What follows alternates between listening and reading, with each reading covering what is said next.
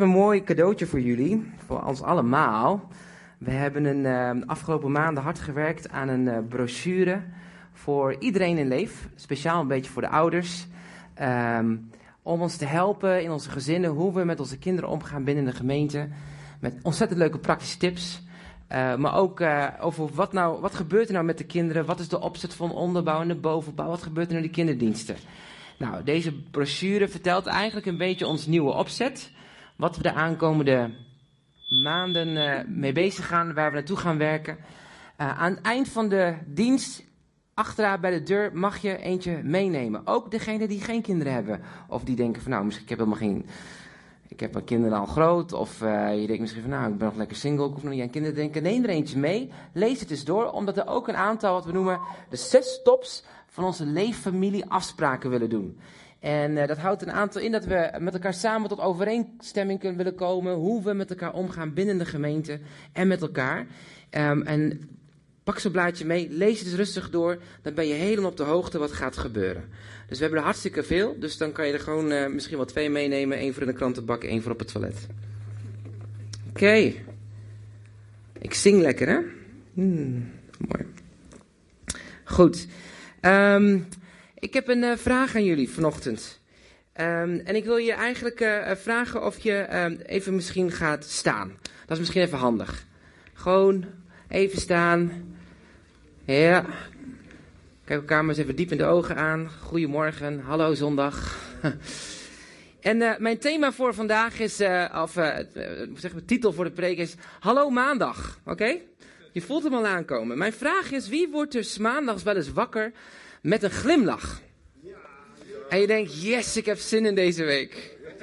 Nou, kijk hier, daar zijn de heiligen onder ons. Uh, andere vraag. Wie ervaart er een diepe vervulling en voldoening in je werk en in je studie?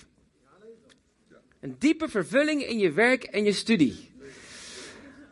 Als loopbaancoach zou ik nu zeggen, tijd voor verandering voor sommigen. uh, wie ervaart uh, wie ziet zijn baan of zijn werk, zijn studie, als een middel om zijn of haar doel te bereiken? Bijvoorbeeld uh, veel geld te verdienen om leuke dingen te kunnen doen. Een stapje tot het vervullen van je dromen. Wie ziet je baan als een middel tot je doel bereiken?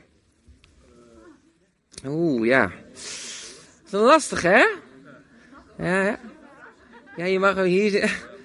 Misschien wel, misschien niet. Ja, denk er even over na. Oké, nu komt een hele geestelijke vraag. 10 punten als je hem helemaal goed scoort. Kan je door naar de koelkast. Wie gelooft dat werk en studie ondergeschikt is aan je bediening en roeping van God voor je leven? Ondergeschikt. Ja? Oké. Okay. School. Oké. Interessant, hè? Nou, maar jij mag erover nadenken. Wie gelooft dat werkstudie ondergeschikt is aan de bediening en roeping van God voor je leven? Hmm. Ja, ja ondergeschikt. Heel interessant. Verweven, ja, ja. Als je werkt op... Goeie vraag. Goeie. Hey, zullen we Matthäus gaan lezen? Matthäus hoofdstuk 5, vers 13 en 16. We hebben er net al over gezongen. Victor kon het niet weten. ik had er niks opgegeven. Maar hij heeft uh, exact op gezongen waar we het over gaan hebben. Matthäus hoofdstuk 5, vers 13 en 16. Tot en met 16. Matthäus hoofdstuk 5, vers 13 tot en met 16. Je bent het zout dat de wereld leefbaar moet houden. Ik lees hem uit het boek. Maar als u uw invloed verliest, wat moet er dan van deze wereld worden? Matthäus 5, vers 13 tot en met 16. Weet u waar u nog goed voor bent? Om weggegooid en vertrapt te worden. U bent het licht van de wereld. Een hooggelegen stad straalt in de nacht en iedereen kan hem zien. Men steekt immers geen lamp aan om vervolgens in een emmer overheen te zetten. Die lamp moet toch op een kandelaar staan en licht geven voor iedereen in huis. Laat daarom je licht voor alle mensen schijnen. Als ze dan die goede dingen zien die je doet, zullen zij uw hemelse Vader eren. Amen. Iedereen zegt tegen elkaar: Hallo maandag. Hallo maandag. Ik heb altijd, als ik s ochtends wakker word op maandag, en denk, oh heer, was het maar zondag. Was het maar gewoon lekker, nou zaterdag met de voetbal vind ik wat minder als je vroeg uit moet, maar zondag. Was het maar zondag. Oh, dan zit je lekker aanbidding, tijd, inspiratie. En dan maandag. Uh, ik weet niet hoe het u is, maar soms kan je best wel een beetje zo'n maandag blues hebben, hè? Afgelopen dinsdag was ik in uh, de Ziggo Dome. Uh, bij een grote conferentie, dat was Inspiration 360. En daar waren allemaal geweldige mensen die daar kwamen van de zakenwereld uit. Een daarvan was Richard Branson, de man die multimiljonair is van het merk Virgin Atlantic, onder andere Virgin. Uh, die sprak daar over hoe hij natuurlijk zijn, zijn, zijn, zijn, ja, hoe hij miljonair is geworden, hoe hij als kind is begonnen in de zakenwereld. Heel interessant. Toen kwam Bear Grylls, de gast van de Ultimate Survival, weet je, die, uh, die op Discovery Channel was, uh, uh, de, de, de, de, urine drinkt van een kameel tot aan, weet ik al niet wat hij doet, van die maden eten en zo. En die man is christen. En hij, hij spreekt ook altijd, hij is ambassadeur van Youth Alpha en Alpha. En hij vertelt over dat we allemaal geroepen zijn om een grote reis aan te gaan in de uitdaging om God te leren kennen. Dat was ook Al Gore, weet je, die presidentskandidaat die het verloren had tegen George W. Bush, voor de ouderen onder ons. Um, die sprak over de, de, de, klimaatverandering, dus dat was interessant. En uh, wat mij verbaasde daar een beetje schetste was dat er waren zo ongeveer 10.000 zakenmensen, uh, CEO's, bedrijven, millennials, jong en oud, die kwamen bij elkaar om na te denken over de volgende stap. Uh, hoe ze in het leven um, overwinning konden behalen in de belangrijke uit, uitdagingen van het leven. In hun persoonlijke ontwikkeling, in hun organisatie, maar ook in de samenleving. En wat er zo duidelijk naar voren kwam, was dat er eigenlijk nagedacht werd over van, joh, het is oké om heel veel geld te verdienen. Um, maar wat laat je nou achter in deze wereld? Hoe ga je nou met deze wereld om? En um, wat geef je door aan de volgende generatie? En hoe kan jij verschil maken in deze wereld? En Richard Branson zei van ja, ik kan alle miljoenen wel verdienen, maar wat geef ik door aan de volgende generatie als de hele planeet kapot gaat? Dat was een interessante gedachte. Al die mensen zaten erover na te denken. En terwijl ik daar zo zat, dacht ik, man, dat lijkt net een kerk. Jo, echt waar. Duizenden man, grote podium, lichte geluid, beamer, mooie videofilmpjes, weet je, allemaal hartstikke stoer. Maar ik realiseerde me één ding. Dat de wereld wordt niet veranderd door een stel predikers. De wereld wordt gewoon niet veranderd door stel predikers.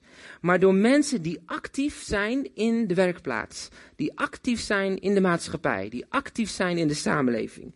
Ons werk, onze plaats in de maatschappij is Gods strategie om zijn koninkrijk hier op aarde te brengen. Wist je dat? Amen. Nou, ik wil je dat even onder, onderlijnen met een aantal, uh, aantal weetjes, feitjes. Wist je dat? 52 van de vergelijkingen die Jezus ons leerde, 42 daarvan, van al die vergelijkingen in de Bijbel, zaten in de context van het werk. Wist je dat? Interessant, hè? 132 publieke optredens van onze Heer Jezus, daarvan waren 122 binnen de context van een werkplaats. Van de 40 wonderen die plaatsvonden in het boek Handelingen, waren er 39 wonderen binnen de context van werk en, en een werkplaats. Het woordje werk wordt in de Bijbel voor meer dan 800 keer genoemd. Woehoe. Meer dan het woordje aanbidding. Dat is interessant, hè? Oh oh. Wist je dat het Hebreeuwse woordje avoda, dat betekent het woordje werk. Hetzelfde Hebreeuwse woordje avoda, niet, niet avocado, maar avoda, lijkt er een beetje op, uh, betekent ook aanbidding. En terwijl God zei tegen Mozes kom op naar de berg en aanbid mij, hetzelfde woordje aanbidding, avoda, werd ook gebruikt voor het woordje kom en werk. Werk. Werk, aanbidding. Met andere woorden, voor God is er niet zoiets van aanbidding versus werk. Werk is aanbidding. Jouw werk is jouw aanbidding naar de Heer. En sommige mensen denken nou, nou, mijn baan, verschrikkelijk, no way. je moest het weten. Mag ik wat zeggen? Ja. Ik, uh, ik, uh, ik leef op dit moment, uh, ik zit nog in de gevangenis. Ja. En ik moet op tijd terug zijn. Ja. Maar ik wil even mijn dank uitspreken voor jullie gastvrijheid. Helemaal gaaf. En ik kom graag nog een keer terug. Kom gauw terug. Dat, dat jullie niet denken dat ik... nee, helemaal goed. We geven jou een dik applaus dat je hier was, oké? Okay? Super.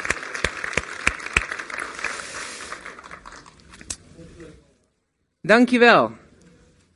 En kom gauw terug, hè? Doen. Heel belangrijk. Goed. Hetzelfde woordje aanbidding betekent dus ook eh, eh, betekent ook werk. En werk betekent dus aanbidding. En dat is best wel interessant. Jouw werk, ons werk, is onze aanbidding naar God toe. En sommige mensen werken om te leven. En weer andere mensen werk, leven om te werken. Je hebt van die mensen die non-stop werken. Hè? Uh, maar weet je, als we God centraal zetten in ons werk, dan is ons werk onze aanbidding naar God toe. Dan ontvangen we de vruchten van het werk en de zegeningen van onze arbeid. En wordt ons werk een plaats waar Jezus wordt gezien.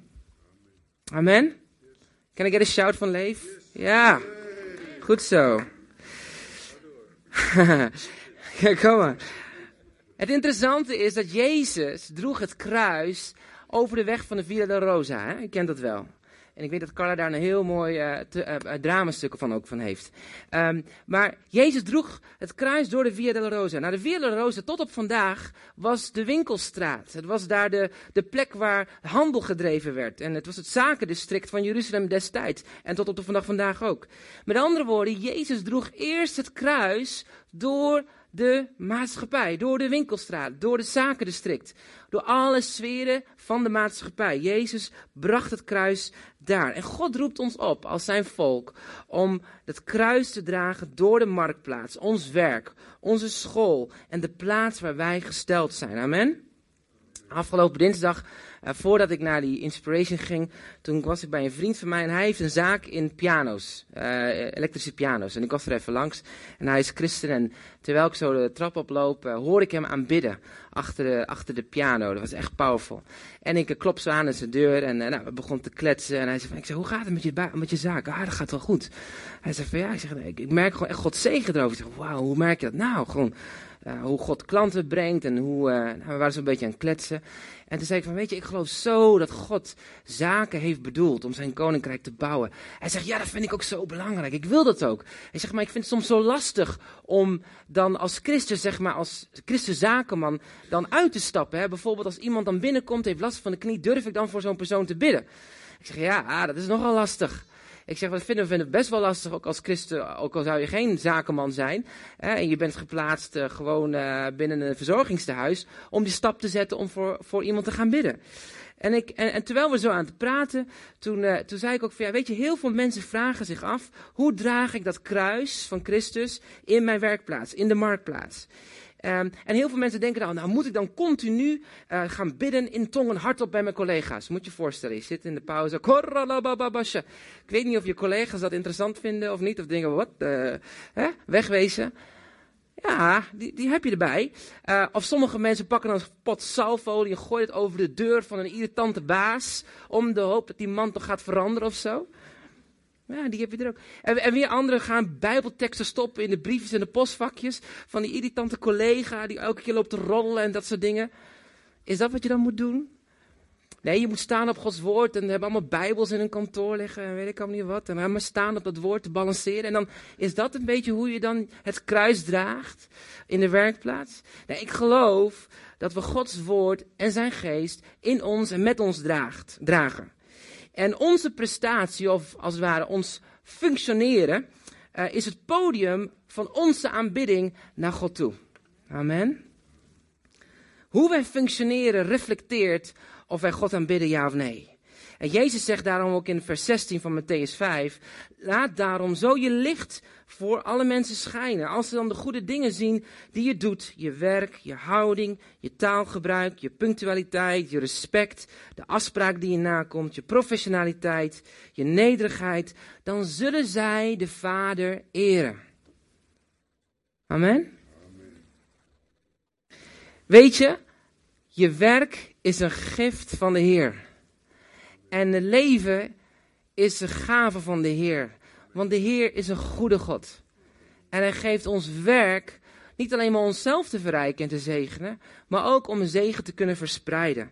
Ons functioneren is ons podium om onze aanbidding van God en naar God te tonen. In 2 Koningen 5, dat ken je wel, het verhaal. Daar was een klein dienstmeisje en er was een grote uh, legeroverste. Zijn, zijn, zijn, naam was Naaman. En Naaman, de Bijbel zegt, was een aanzienlijke man. Hij was een man die uh, veel had gepresteerd en in de ogen van de koningen bij de mensen. Hij was een strijdbare held. Um, hij had vele veldslagen gewonnen voor de koning van Syrië. Maar hij had een ontzettend groot geheim. Hij was namelijk melaats. En uh, we kennen in de geschiedenis van de Bijbel is dat vanaf de dag, sinds de dagen van Mirjam, de zus van Mozes, was er never nooit iemand in het hele rijk, in het hele volk, het hele land daar, het landstreek, ooit genezen van melaatsheid. Sinds, sinds Mozes' zus, Mirjam, was er nooit iemand genezen van melaatsheid. Um, iedereen stierf aan die ziekte. En Naaman was een man van aanzien, maar had een geheim. Nou wil ik je deze vraag stellen. Als je je collega even voor de geest stelt, je medestudent voor de geest stelt, um, jouw baas, zou er een geheim kunnen zijn in hun leven? Eerder gezegd, ik heb ook wel een geheim in mijn leven. We wagen allemaal iets van een geheim met ons mee. We hebben allemaal een verhaal in ons leven. Verhalen van gebrokenheid, van ziekte, van pijn, verdriet. En deze leider was een grote leider. Hij was een aanzienlijke man, maar hij, was, hij had een geheim. Hij was gebroken, hij was van binnen. En hier was een klein meisje uit het land van Israël weggevoerd dat in dienst was van de Amans vrouw. We zouden zeggen een slaafmeisje. Het meisje wat niet aanzienlijk was. Gewoon even gepakt werd en poep geplaatst werd in dat gezin. En nee, je moet daar gewoon dienen. Non-stop, niet zeuren. Reken maar het slaven in die tijd dat het niet makkelijk vanaf brachten. Slaaf, een dienstknecht, een dienstmeisje. En, uh, maar zij zag elke dag weer het geheim van de Aman. Als Naaman zich uitkleedde, dan zag ze wat daar gebeurde. Ze, ze zag het geheim van haar leider, van haar meester. Ze zag de gebrokenheid van. En ze had eigenlijk drie dingen kunnen doen. Hè? Het eerste wat ze had kunnen doen is van negeren, niet mijn probleem, zijn probleem. Hoeveel van ons, als we in ons werk zitten en onze baas doet dingen dat je denkt, ja, niet mijn probleem, zijn probleem, ik doe er niet aan mee, bekijk maar. Stijf meebewegen heet dat, hè?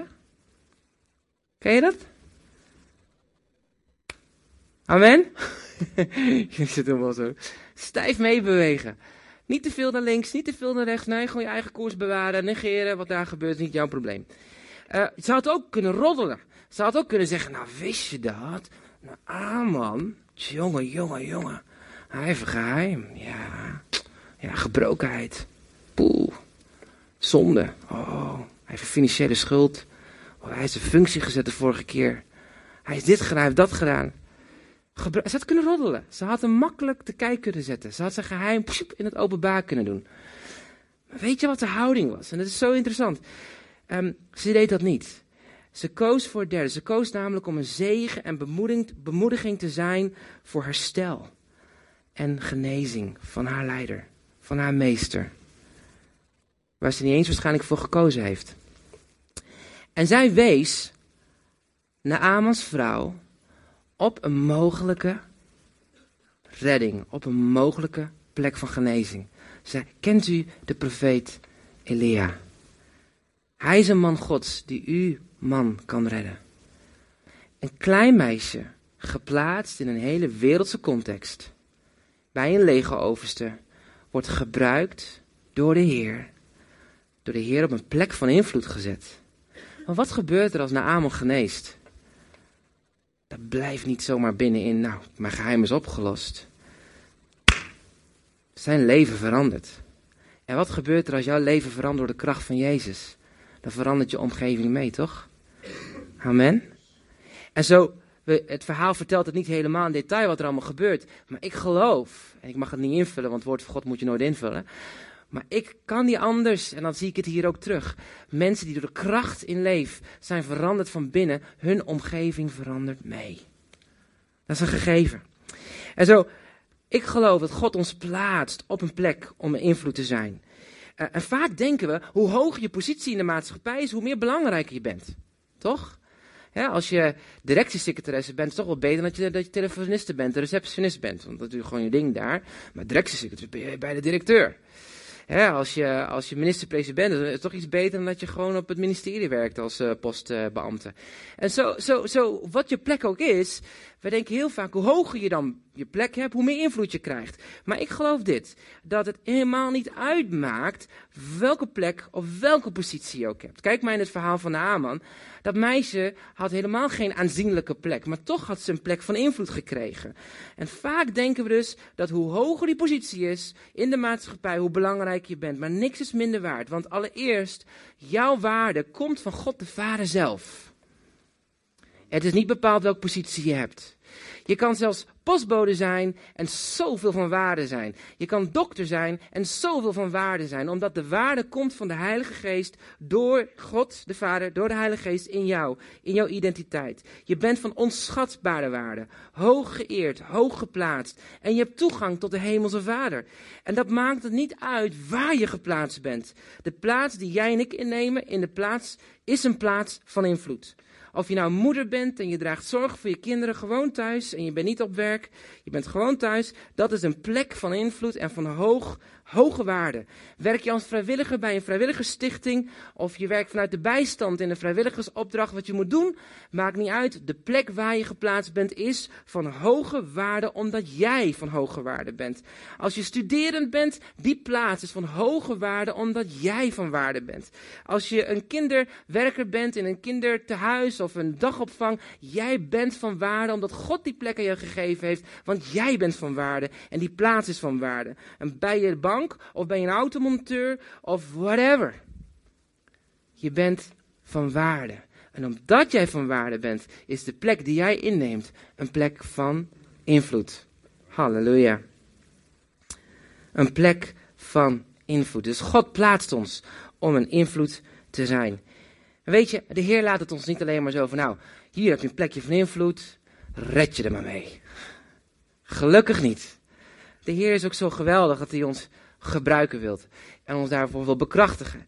En als we dan terugbladeren naar 1 Koning, 1 Koningen 19, dan zien we een heel mooi voorbeeldje dat Elia op een gegeven moment, de profeet, krijgt de opdracht van de Heer om, om Jehu koning te, tot koning te zalven. Jehu, de zoon van Nimsi. En uh, Elisa als zijn opvolger, de profeet. We zien hier een tekst, 1 Korinthe 19 vers 16, waarin de profeet door de Heer een opdracht krijgt, een koning, een volgende profeet. Nou, heel veel mensen denken dan van, nou joh, weet je, ja, de profeet, dat is de bediening van de Heer, dat is de mond van de Heer. En de mond van de Heer, dat is meer belangrijker dan die koning. Want koning is een soort ja, maatschappelijk iets, dat is seculier, dat is wat minder dan dat geestelijke werk van de Heer. Maar ik wil je zeggen, er is geen onderscheid tussen geestelijk en seculier. Ik wil je eigenlijk zeggen, er is maar één soort salving. En diezelfde salving zit zowel op de koning als wel op de profeet. Um, er is geen onderscheid tussen een, een, zalving voor een prediker of een zalving voor een automonteur. Het is dezelfde zalving. Amen? Het is dezelfde zalving. Er is geen grotere zalving op een spreker dan op iemand die werkt. En het is dezelfde zalving van de timmerman die ook op de priester zit. En het is dezelfde zalving op de zanger dan die op de, op de zakenman zit. De verkoper. Want het is de Heilige Geest die op ons rust. En de Bijbel leert dat God stortte zijn geest op al het vlees. Niet een paar geselecteerde mensen, maar op iedereen. Op iedereen. Zo, ik wil je uitdagen, neem de zalving van God in je leven serieus. En neem de plek waar je gesteld bent serieus. Want de zalving van de Heer rust net zoveel op mij als op jou. Want de zalving is van de Heilige Geest. En er is geen onderscheid tussen een prediker die gezalfd is, of, of gewoon een, een, een manager binnen een, binnen een bedrijf. God plaatst je op een plek van invloed en hij zalft jou voor het werk wat hij jou toebedeelt. Dus um, die zalving, uh, die vermeerdert ook de gaven en talenten die God in jouw leven legt. Dat is ook zoiets moois. De zalving van God maakt ervan dat als jij een gaaf en talent hebt in spreken, dat die als het ware de deuren opent voor deuren die jij menselijkerwijs niet kan openen.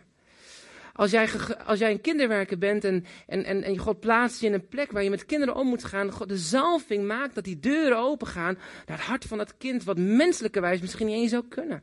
Dat is wat de zalving doet. Als je een vormgever bent, dat je zo creatieve vormgeving neer kan leggen, de Brian is er een van, uh, die, wat zo gezalfd is, waardoor, waardoor nieuwe creativiteit gebracht wordt in, in, in, bijvoorbeeld communicatie. De zalving van God vermeerdert als het ware je talenten en gaven. Het maakt je geen supermens, nee. En de Bijbel spreekt ook over, er waren uh, mannen die, die, door de Heer geroepen werden in de bouw van de tabernakel. En God door de geest hun inspireerde hoe ze de tabernakel vorm moesten geven. En alle pracht en praal en alle attributen en alles erop en eraan. Dezelfde zalving. Diezelfde zalving, die, die, die, die, de Heilige Geest die op een spreker rust, rust op jou en mij. En als je uh, auto-instructeur bent, diezelfde zalving zit bij jou in de auto. Halleluja. Als je advocaat bent, diezelfde salving rust op jou. God salft ons voor het hele werk. Um, daarom wil ik je aanmoedigen. Neem je zalving serieus. Je doet je best. Je geeft wat je hebt. Uh, net als die jongen, hè, met die vijf broodjes, twee visjes. Je geeft wat je hebt. En God zal door zijn zalving heen een plaats van invloed voorbereiden voor je. En die je zelf niet mensen kan bewerkstelligen. Maar daardoor zijn zegen laat stromen tot alle volken.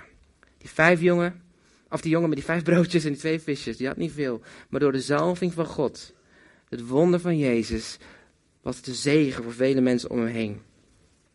En Johannes 2, vers 27 zegt, wat u betreft, de zalving die u van de Heer hebt ontvangen, blijft in u. De zalving van de Heilige Geest, die blijft in u. En je hebt er niet nodig dat iemand je iets leert, maar de zalving onderwijst je alles, alles, tot in alle dingen. Oeh, come on. Ik zou nu in de Afrikaanse kerk zijn, die is allemaal jump up en gaan dansen. Wow. Pak je, wat ik zeg. De zalving van God leert je hoe je moet studeren. Leert je hoe je moet spreken. Leert je hoe je moet bewegen. Hoe je in relatie moet staan. Het conflict met die stomme collega. De zalving van God leert je hoe je daarmee om moet gaan. De zalving van God door de Heilige Geest. Zijn woord, de Heilige Geest, inspireert het woord van openbaring. Maakt dat jij in staat bent dingen tot stand te brengen die menselijkerwijs misschien wel onmogelijk zijn. 1 Petrus 2 vers 9 zegt, je bent een koninklijk priesterschap. Daarom is er geen scheiding tussen seculier en geestelijk. Nee, nee, het is bij elkaar. Je bent een koninklijk priesterschap. Wij zijn koningskinderen en binnen Leef en binnen de gemeente, binnen het, binnen het koninkrijk van God. En wij zijn geplaatst in de maatschappij met een open lijntje naar de hemel. Of je kapper bent en je hebt Adriaan van Dis voor je, mag ik niet zeggen. Hè? En je legt die handen op terwijl je zijn knippen, zijn haren knippen bent en je blessed guy. Waarom? Je hebt een open lijn, want je bent een priester van de Allerhoogste. En tegelijkertijd ben je een koning, een ondernemer. Iemand die zijn koninkrijk voor God meebouwt. Omdat Jezus zijn koninkrijk bouwt. Amen. Je bent een koninklijk priesterschap, een heilige natie, Gods eigendom, zijn volk om grote dingen te doen, van de Heer te verkondigen, die ons uit de duister heeft geroepen tot zijn wonderbare licht. Daarom laten we zeggen, hello maandag, hier kom ik. hello maandag, hier kom ik. En ik denk, wauw John, ze hebben misschien nog nooit naar mijn werk gekeken. I don't know. Ik hoor als mensen zeggen, oh, ik zit me zo vast in mijn bedrijf, in mijn werk, in mijn baan. Ik geef geen leven. En misschien zijn er een aantal die denken van, nou, ik studeer nu iets en ik weet eigenlijk helemaal niet waarvoor het goed is. Misschien heb ik wat verkeerde gekozen. Weet je, ik geloof dat niks is een toeval. God gebruikt alle keuzes die we maken en, en turnt het om tot een leermoment voor ons allemaal. en ons ook de keuzes die misschien niet zo goed zijn. God gebruikt dat. Uh, God werkt, heb ik geleerd van mijn voorganger, God werkt met ons in een koers. We hoeven niet bang te zijn of we linksom of rechtsom wandelen. Nee, het is een koers. God leidt ons in de koers. En dat geeft ontzettend veel rust. Ik wil je besluiten met iets wat uh, mij heel erg aan heeft gesproken. een mooi grappig verhaaltje. En nou hoop ik dat hij dus nu ook dat laat. Maar niet heus.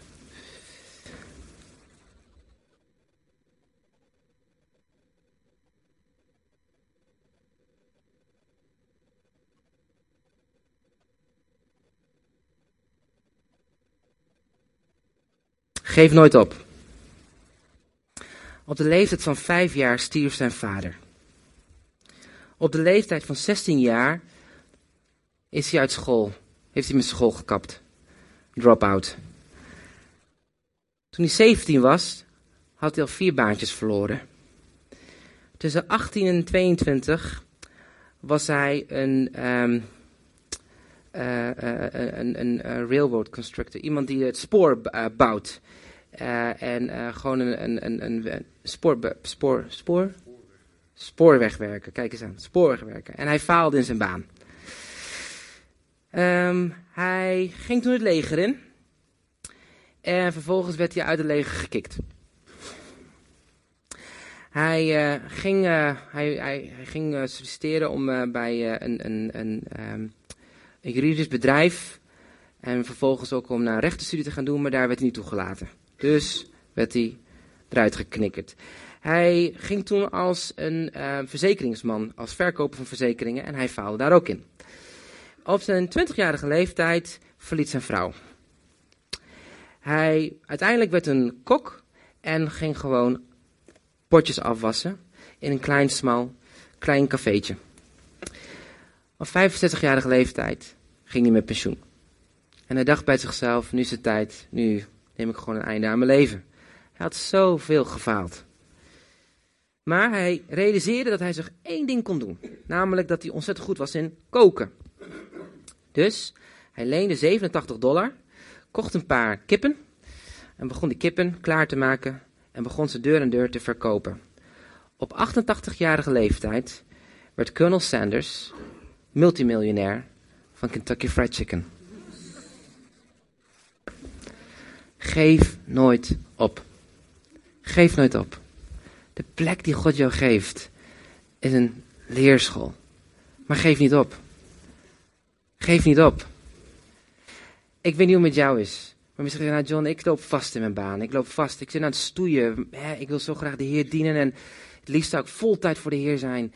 In misschien een ministry capacity wat we hebben. Hè, vol tijd voor de Heer, zoals we dat noemen. Ehm, ja, dat is goed. Dat is mooi. Dat verlangen mag er zijn.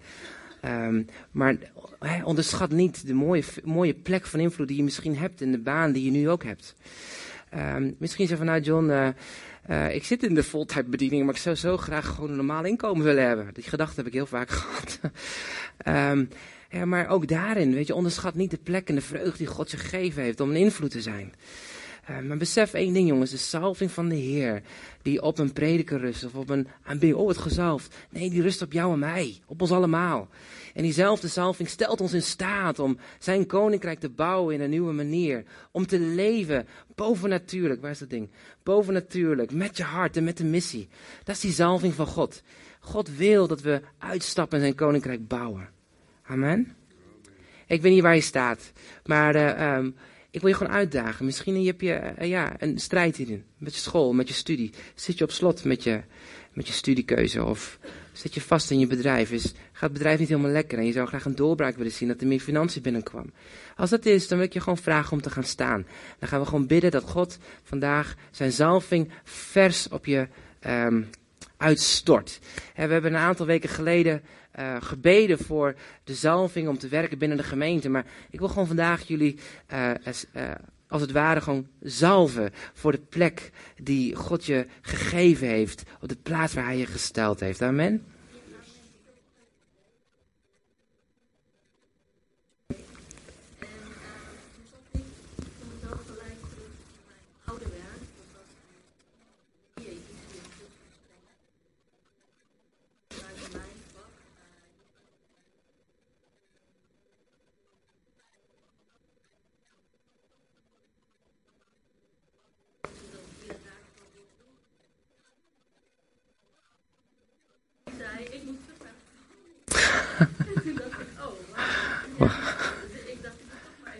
Wauw. Amen. Nou, dankjewel. Ga blijf staan. We gaan gelijk voor je bidden. Wie nog meer? Ik zeg van ja, ik wil gewoon die nieuwe verse zalving ervaren voor mijn werk, mijn studie, de plek waar ik gesteld ben. Dat ik een doorbraak mag ervaren in datgene wat ik doe. Ja, amen. en geef elkaar maar een hand. Dat is ook goed. Dus we zijn een gemeenschap. Het ligt niet afhankelijk van mij. Halleluja, het is de Heilige Geest. Yes. Dank u, Jezus. Dank u, Jezus. Vader, ik, ik dank u wel, Heer, dat u zowel koningen als priesters hebt gezalfd in het Oude Testament. En dat uw woord zegt dat u door uw Heilige Geest al uw kinderen wil zalven met uw Heilige Geest. Wilt vervullen met uw Heilige Geest. Heer, tot dienst betonen. En ik geloof dat wij in een gemeente als Leef zijn. Is dat we geloven dat we mensen toe mogen rusten tot dienstbetoon. Niet alleen maar binnen de kerk, juist buiten de kerk. Om uw koninkrijk te bouwen in alle lagen van de maatschappij. En daarom wil ik u bidden, Heer, dat daar, Heer, wanneer we soms een beetje vastlopen in, onze, eh, in, ons, in ons zakelijke leven, of binnen het bedrijf waar we werken, of we niet allemaal die diepe ervulling ervaren, of de maandag smile niet op ons glimlacht. Of, ik wil u bidden, Heilige Geest, kom en vervul ons hart opnieuw. Geef ons een dieper inzicht, Heer, over wat u ons hebt, waar u ons hebt geplaatst. Heer, geef ons een diepe blijdschap, Heer, om te wandelen als uw koningskind, te midden, Heer, van de duisternis, Heer. Het lichtend licht te mogen zijn, het zout en zout de plek van invloed te mogen innemen, Heer, die u voor ons voor hebt bereid, Heer. Zelfs al zijn we aan het studeren, Heer, of zelfs als we gewoon praktisch bezig zijn, Heer. Dank u wel dat hier koninklijke priesters zijn, geroepen door u, bekrachtigd door uw Heilige Geest, om uit te gaan in de kracht van uw naam, een shining light in Jesus' name. En ik dank u wel, Heer, dat, dat u, als het ware de stof van ons afhaalt en ons een nieuwe openbaring geeft, Heer, over ons werk, over de plek, onze maatschappij en de blijdschap wat het is dat we mogen zijn waar we zijn en weet dat u met ons bent, dat u voor ons uitgaat en dat u ons wilt gebruiken tot eer en glorie van uw naam en prijzen, Heer, dat u wonderen en tekenen gaat doen op de plekken waar we gesteld zijn. Heer, dat dingen die we niet hadden kunnen voorbereiden, Heer, hebt u voorbereid voor ons. Heer, prijs uw naam. Wonderbare werken dat we er mogen wandelen omdat we u lief hebben, Heer. Dank u wel, Heer, voor uw genade in ons midden. Dank u voor uw zalving. En zo zalf ik jullie, als het ware, allemaal, mijzelf ook. Ik zalf je met de zalving van God voor het werk wat de Heer jou toerust en jou heeft geplaatst. In Jezus' naam. Amen.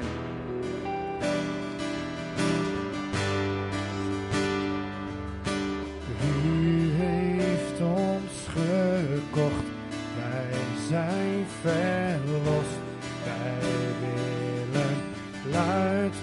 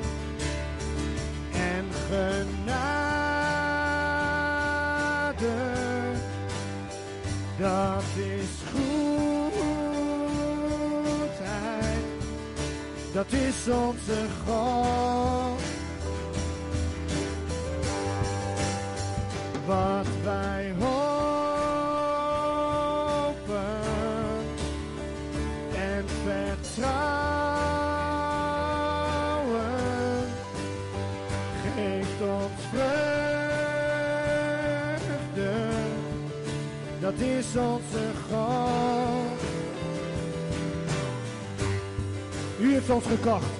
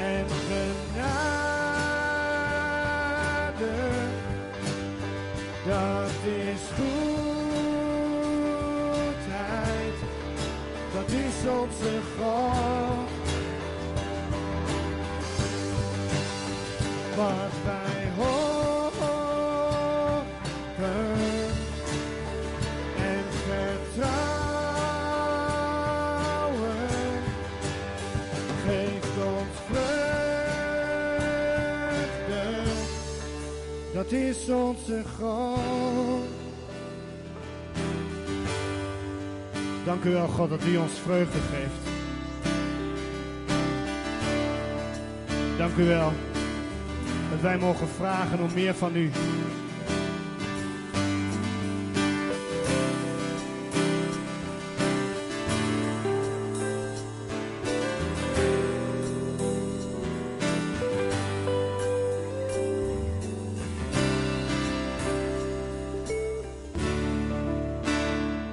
Show us more of you, so much more.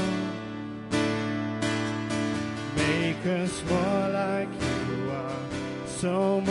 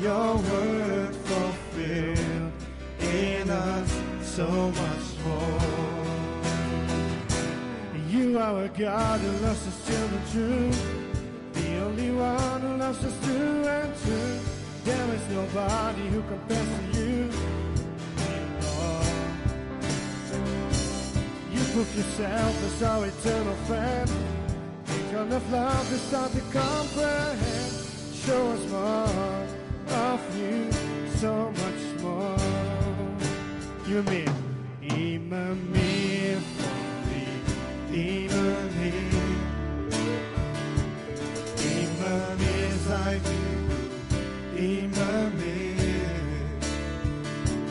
Immer mehr deine Worte verstehen und deine Werke tun. Oh Herr, immer mehr. Du bist ein Gott, der seine Kinder liebt, der aus dem Vater die Verlangen sieht. Niemand und nichts kommt dir jemals gleich.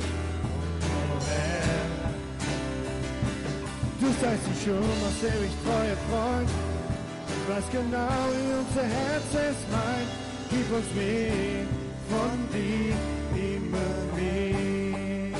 Noch viel mehr, noch viel mehr von dir, noch viel mehr.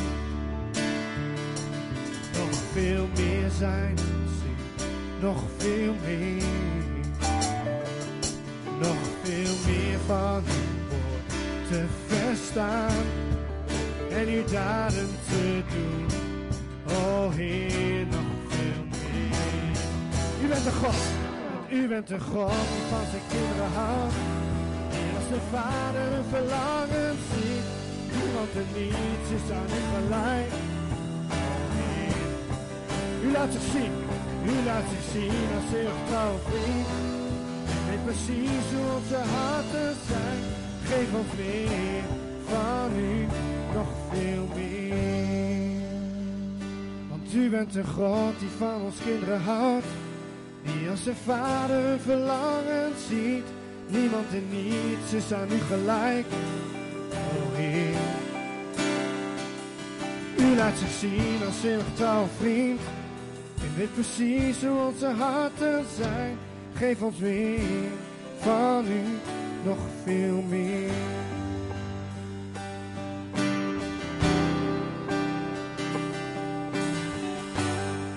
Dank u Jezus.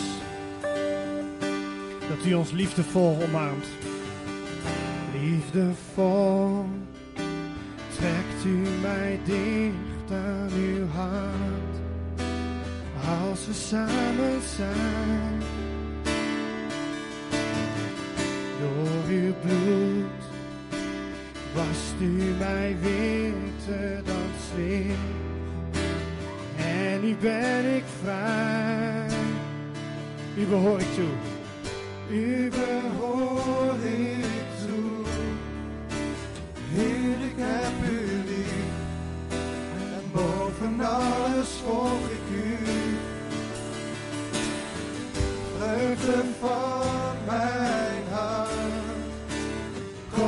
Kostbaarder dan goud, ik leef voor u, want u houdt van mij.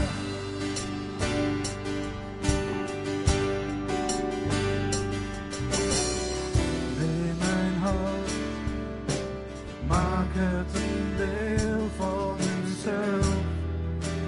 Laat ons samen zijn. Angst verdwijnt als ik uw liefde ervaar. Want door u ben, door u ben ik vrij. U behoor ik toe. Heer, ik heb u lief. En boven alles volg ik u. Vreugde van mijn hart. Kostbaarder dan goud. Leef voor u. Want u houdt van mij. U ik toe. Ik heb u lief. En boven alles volg ik u. Vreugde van mijn hart, kostbaarder dan goud. Ik leef voor u, want u houdt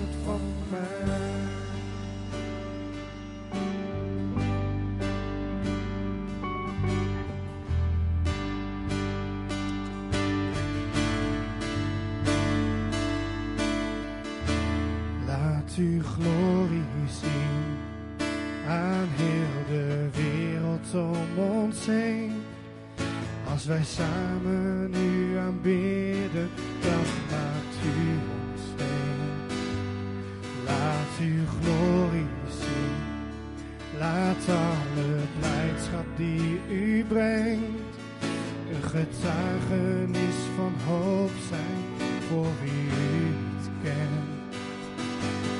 Als wij samen u aanbidden en vol eerbied uw geest neer in ons midden, ons allen aan. Als wij Jezus naam beleiden, als de enige die redt.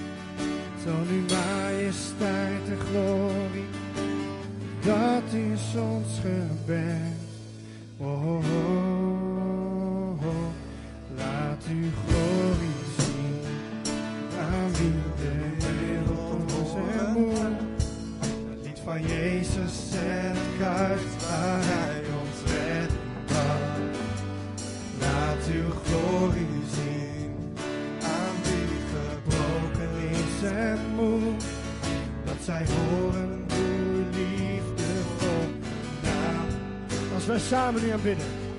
Als wij samen u aanbidden en vol eerbied voor u staan.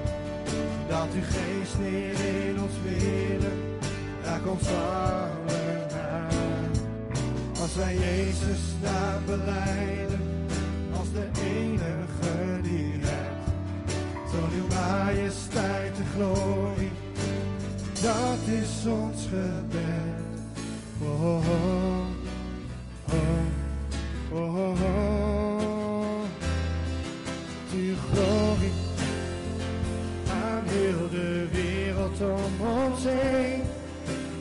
samen u aanbidden, dan maakt u ons.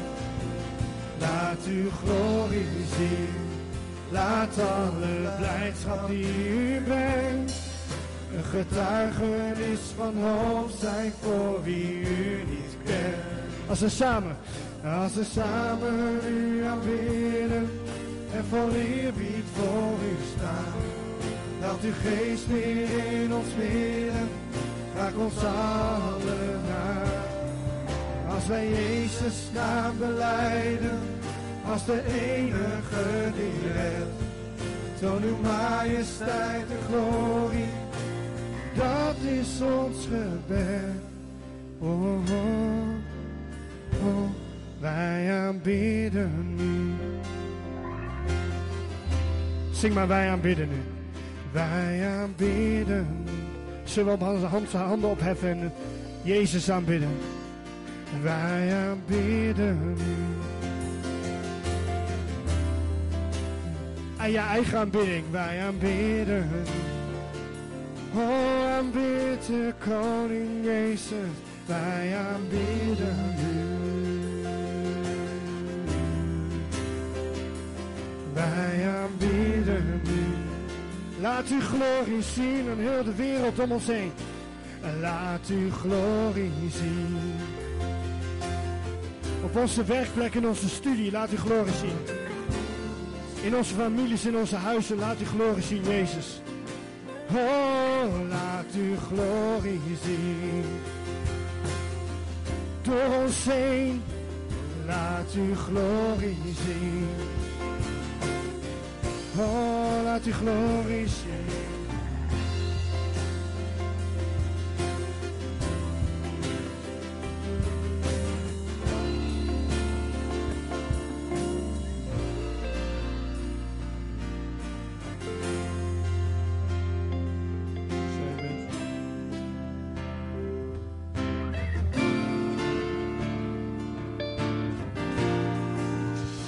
Er zijn mensen hier vanmorgen die, uh, die gebrokenheid kennen in hun leven.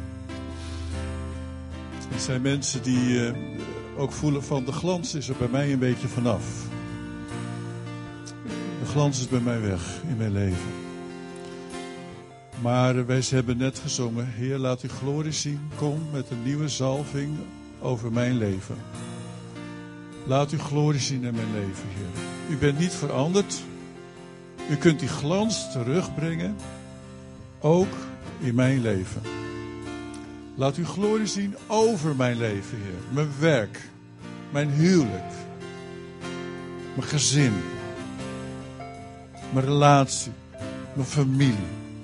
Heer, u weet wat er kapot is. U weet hoe dof het eruit ziet. Maar als uw zalving opnieuw komt in mijn leven, dan komt ook uw glimlach terug, uw glans, uw heerlijkheid terug over mijn leven. We hebben een gebedsteam in onze gemeente. Een gebedsteam bidt. En ze willen ook graag met jou bidden. Daar is het voor. En we zijn hier ook gekomen in de gemeente om God te ontmoeten. Om dingen met Hem te regelen. En dat kun je zo meteen doen. Als je naar voren wil komen, naar het gebedstoel wil gaan, dan kun je samen naar God gaan en kun je dingen met God gaan regelen. Amen. Zo'n mooi lied. Laat uw glorie zien. Ik wil het eigenlijk nog één keer zingen. En kom dan ook uit de rijen. Ga met God dingen regelen. Ga naar het gebedsteam.